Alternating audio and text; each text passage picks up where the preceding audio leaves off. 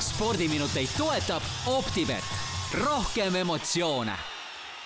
kaheksa kolmkümmend üheksa näitab kell, räägime spordist. spordireporter Karl-Mihkel Eller on meil külas, tere hommikust. tere hommikust. Oi kui palju, ma ei tea kohe, kust alustada. no me alustame nii, et me Karl-Mihkel Ellerile sõna ei annagi, me räägime snuukrist hoopis. ja ei, see oli põnev, see oli põnev, mis eile juhtus. saatsid lõpuni ikka eh,? ma ei näinud seda viimast. sa pidid ikka tuttu minema. jaa, täpselt, ma vaatasin täna hommikul, hommikul vaatasime järgi, kui Luka Bressel alistas eh, Mark Selby eh, ja tuli snuukri maailmameistriks Äh, põnev, selles mõttes põnev, et keegi ei osanud seda ette näha ja millistest seisudest ta välja tuli selle turniiri jooksul ja mitte ühe korra, vaid mitu korda ja ta vist on ajalooliselt ikka esimene nüüd snuukri MM-i võitja, kes tuleb siis nii-öelda Mandri-Euroopast, et ja, ta on Belgia mees ja,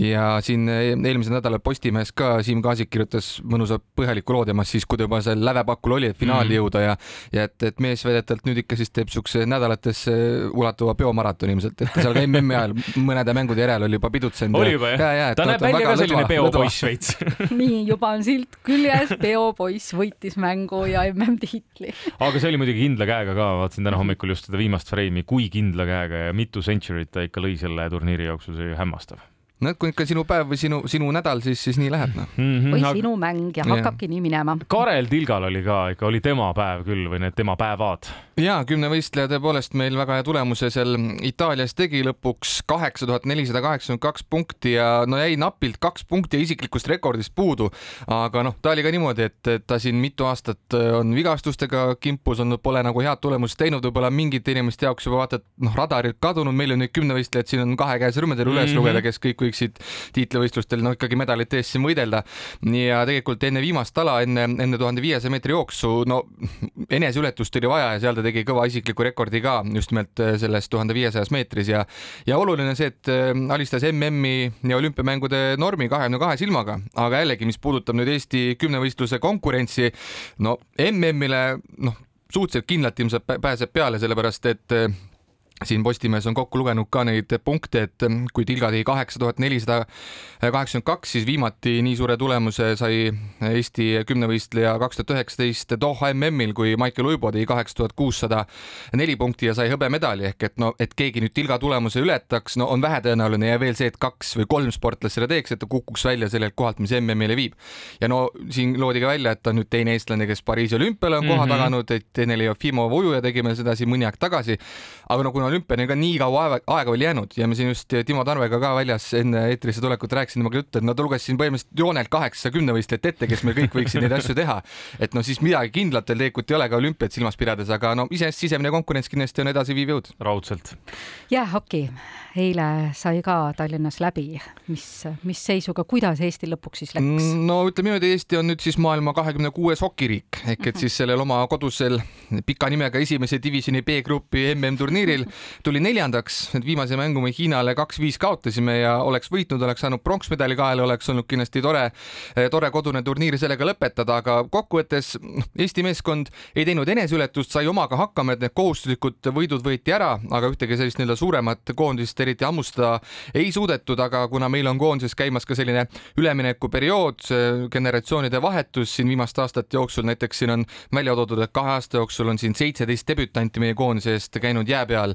ja, ja et mis Eesti jäähokit siis võiks veel tulevikus edasi viia, on see, kui siin saaks ka lähiajal esimese täisprofi klubi loo, luua, et see parandaks kindlasti seda, seda kvaliteeti, sest et noh, ikkagi väga paljud koondislased tulevad meil ju noh, piiri tagant mängimast, mis on ka mingis mõttes loogiline, et et siin on vaadatud ka, et kui seda jäähokikaarti kaarti vaadata, siis kõik meie naaberriigid on ju kõvad hokimaad, aga et mhm. Eestil mm -hmm. nagu seda ei ole. see on huvitav jah, ja, ja kuna ma käisin eelmisel nädalal, käisime koos kolleegi Romihasaga siin reede pärastlõuna jaoks vaatamas, mismoodi see melu seal kohapeal on ja, ja tegemas intervjuusid, siis tegelikult oli seda kihvt vaadata, et kuidas äh, eestlased ikkagi käisid kaasa elamas, nojah, võib-olla kogu aeg ei olnud tribüünid täis, Eesti-Ukraina mängul vist oli tõesti nii, et oli väga palju rahvast. ja kuskil üle nelja tuhande ikka on mõnel ja, suuremal mängul. et siis huvi on ju iseenesest olemas, aga rääkides ka asjaosalistega seal Jäähoki Liidu poole pealt, siis kõik ütlesid, meil on vaja infrastruktuuri, meil on vaja jäähalle juurde, et nii saab see ala ainult areneda, ega muidu ei saa. seda iga hoovi peal ei mängi mm. -hmm. no e, ütleme, algust saab ju teha, et siin on näiteid küll, kus meil on äh, siin väiksemates kohtades talviti see jää nii-öelda tehakse ära ja seal saab noh, nii uisutada kui jäähokit mängida ka, et mingisugusele tasemele jõuda, siis on kindlasti vaja edasi minna. aga noh, eks me põrkume seal nüüd jälle selle infrastruktuuri taha, et äh, jääaega jääb kõigil napiks. noh, Tallinnas nüüd on, ütleme, kui Tondiraba ju ka ei oleks, see oleks täiesti hullumaja mm, -hmm. siis polekski ju peaaegu siin eriti neid võimalusi, kus, kus neid suuri, mis palju jääpinda nõuavad, neid alasid harrastada, aga õnneks on ja noh, eks vaatame, mis siis nüüd lähitulevik toob, aga, aga loodame, et läheb paremaks, sest just nimelt, et uus generatsioon on peale tulnud, et, et lootus Eestil on, et, et trügida sinna ka vaata, et maailma kahekümne parema hokiriigi sekka tulevikus. no korvpalli jaoks jääd vaja ei ole, on natukene lihtsam ja muide, hüpates tagasi ka võib-olla selle olümpiamängude teema juurde, see oli ikka päris korralik, ma ei tea, kas üllatus, minu jaoks küll üllatus, ma ei olnud sellega väga kursis eelnevalt, et me saame eelkvalifikatsiooniturniiri, olümpia eelkvalifikatsiooniturniiri Tallinnasse. ja no see on selles mõttes hästi noh, no jällegi pikk nimi, olümpia eelkvalifikatsiooniturniir ja no augustis see nüüd toimub ja sellest nüüd eelmisel nädalal räägiti, et Eestil on see võimalus ja põhimõtteliselt laupäeva hommikul tuli kinnitus, et me sellega saime. aga noh, neid Euroopa tsoonis juba toimub tegelikult siin Poolas mängitakse, Türgis mängitakse. eile said siis selgeks, kellega Eesti siin augusti keskel jällegi Tondiraba jäähallis, aga ilmselt mitte mm. jää peal, vaid ikka korvpalliplatsi peal mängima hakkab, et meil tulevad vastu Tšehhi, Põhja-Makedoonia, Iisrael, kes on no ikkagi sellised valusad vastused, et, et me peame ikka oma selle noh, üle ookeani poisid ka kohale saama, et ja, me ikka saaksime siin korralikult äh, vastu neile hakata, aga jällegi see, kuidas Eesti üldse olümpiale saaks, no see on nii väikene see nõelasilmust on vaja selleks läbi pugeda, sellepärast et, et tegelikult see olümpia eelkvalifikatsiooniturniir on ikkagi nendele koondistele, kes nüüd MM-i ukse taha jäid, sest et siin ju noh, Läti, Soome, meie lähinaabrid mängivad siin nüüd ju äh, suve lõpus äh, Aasias toimuval MM-il ja noh, sealt juba on võimalik väga hea tulemusega olümpiakoht nagu kindlustada või siis oma aktsiaid parandada, aga, aga Eestil on kõigepealt vaja siin oma alagrupist tulla äh, kahe parema sekka, siis, siis on vaja pääseda nii-öelda Euroopa play-off'i mm., seal on vaja finaali jõuda mm. ja siis, äh, ja siis tuleb nii-öelda kõikide maailma riikide vahel kokku veel üks turniir, et noh, see tõenäosus, et Eesti olümpiale saab, on imeme pisike, aga praegu ütleme, vana hea, pall on ümmargune, kõik hakkab null-nullist ja meil on väga hea sats, meil on see noorem punt, kes nüüd näitas ju ka eelmisel suur, suurturniiril, et potentsiaali on väga palju. ja kellel on sisemine põlemine, sest nad pole tegelikult ju suutnud suurturniiril tulemust kokku panna mm., ehk et noh, nüüd võib-olla siit ütleme, et kindlasti on vaja kodus nüüd see oma asi ära teha ja siis eks vaatab edasi, kui need järgmised turniirid tulevad, et mis koondise me kokku saame, kuidas minema hakkab, aga ütleme, potentsiaali on. võib-olla mitte nüüd sellele olümpiale, aga vaatame, et järgmisel EM-il kindlasti see, see koondis on oma parimas mängueas meil on kodusest korvpalliliigast ju põhjust ka rääkida. räägime nagu tuleviku mõõtmes ka. ja no tõepoolest nii on, et Eesti korvpalli meistrivõistlused eh, nüüd on siis saanud kõik poolfinalistid eh, ka selgeks ja täna juba eh, siin teisel mail lähevad poolfinaalid lahti ka, alustatakse siis Tartu Ülikooli spordihoones, kus Tartu Ülikool Max Moritz võõrustab Pärnu Sadamat ja homme algab siis teine poolfinaal Kalev Cramo ja vastamisi Viimsi Sportlandiga. no tegelikult nendes mõlemas mängus ikkagi on no sellised favoriidid teada ja, ja Optibeti koefitsiendid ka selles osas osas ei valeta, et Tartu ja Pärnu vahel Tartu koefitsient üks koma kolmkümmend kolm, Pärnul kolm ja Kalev Cramo versus Viimsi, Kalevil üks koma kakskümmend kaheksa ja Viimsil kolm koma kakskümmend viis, et, et vägisi tundub, et me näeme siin Tartu ja Kalev Cramo finaali, aga no kunagi ei tea, et võib-olla midagi ikkagi juhtub, sellepärast et, et Pärnu pidas siin väga pika veerandfinaalseeria Rapla vastu, eks nad oma mahlad nüüd on nii-öelda mm -hmm. neilt kõik välja imetud. aga, aga vaatame ka, et Tartul siin on ka vigastustega probleeme, hooaeg on kõigil pikk olnud, et eks lõpuks siin selline tahe ja ja selline spordihing saab lõpuks ikkagi ilmselt maksvusele. no aga kui Euroliiga, kui korvpalli juurde jääda, seisud on seal millised? No seal on äh, nii-öelda ollakse samm tagapool, et seal käivad veel veerandfinaalid, aga siin reedel sai ka räägitud, et äh, tuline duell toimus siis äh, Madridis, kus Belgradi partisan sai võidu kätte Real Madridi vastu, aga et mäng jäi lühikeseks, sest et väljakul läks selliseks kakluseks, et seal polnud enam mehi võimalik väljakule saata, et kõik põhimõtteliselt saadeti riietusruumi ära, et et see oli päris skandaalne värk ja sellest on nädalavahetusel siin palju räägitud ka, aga mis on oluline nüüd see, et tegelikult täna toimub seal mängus võimalik, et otsustav veerandfinaal ja ütleme, et kui on vastamisi Madridi Real, siis noh, ta on ikkagi ükskõik peaaegu kelle vastu ikkagi favoriit. Ja Belgradi partisan, noh, vana aja selline Balkani poolsaare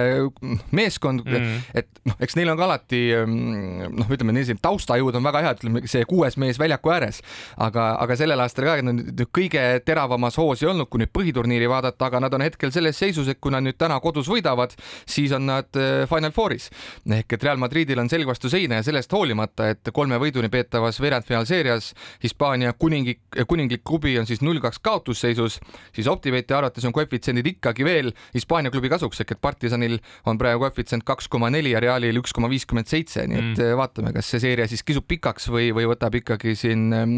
siis äh, Partisan karukoopas oma ära mm.. korraks selle kakluse juurde tulles, kui tihti seda üleüldse juhtub, et väljakul toimub just nimelt kaklus, mitte fännid kusagil mujal kõrvaltänavas ja hoopis jalgpallis, aga korvpallis ja väljakul? no eks ikka niisuguseid asju toimub, siin Eestigi korvpallis on niisuguseid noh, väiksemaid naginaid olnud, aga seal ikka läks massikakluseks, sest et lõpuks vist jäi niimoodi mõlemal meeskonnal tehniliselt jäi kaks meest, kes oleks võinud väljakule minna, aga lõpuks otsustati päris kaks-kaks korvpalli mängima ei hakka ja lõppes selle seisuga ära see mäng. aga no seal oli, seal oli ka oluline, noh, halb ka see, et seal ikka mehed ikka selle võtti võttesse ikka inimesed judovõtetega maha, et seal ikka mõni mees sai nii tõsiselt viga, et, et hooaeg võib läbi olla. Ja eks seal määrati mitmemängulisi karistusi ka, et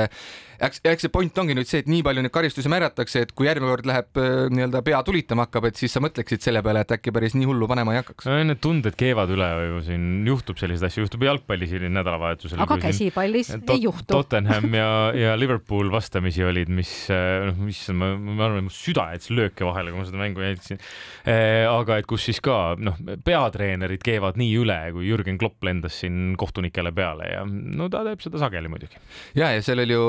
Klopp tõmbas seal vist reielihase ära, tähistades selle võitu juba, et, et ja seal oli ka nii-öelda kohene karma, et ta läks kohtunikule mingeid nägusid tegema ja siis kohe haaras ise reiest kinni, et, et noh, et nii-öelda, mis käib ringi, tuleb ka sulle lõpuks tagasi, aga, aga jah, mis puudutab seda äh, Inglise Premier League'at, et siis noh, eks sealgi tegelikult on viis vooru vist jäänud lõpuni, et, et seal ka kindlasti põnevad töllid tulevad ja usun, et saame ka sellest siin hommikutes veel rääkida. no peab ikka enne mängu Balderiani tabletid välja jagama, midagi ei jää üle. aga kiiresti lõpetuseks ka käsipallist, sest äh, EM finaalturniirilt jäi Eesti ikkagi napilt-napilt välja. ja meil toimus siin viimane mäng võõrsil ülitugeva Islandiga, mille me kaotasime kakskümmend kolm, kolmkümmend, seal võitu oodata oli ka palju, aga lõpuks siis läks punktide lugemiseks ja no Eestil ütleme nii, et jäi üks võit puudu, et oleks saanud sinna EM-ile ja oleks-poleks, eks järgmine kord läheb paremini, aga käsipallis on meil jällegi selline seis, et seal on meid vanu mängijaid päris palju, äkki mõned olid mõned, et no vaatame, kes ikka järgmisele EM valiktsüklile vastu läheb, aga võib-olla veavad välja ja Eesti ikkagi suudab esimest korda siis EM-ile saada. Karl-Mihkel Eller, aitäh sulle!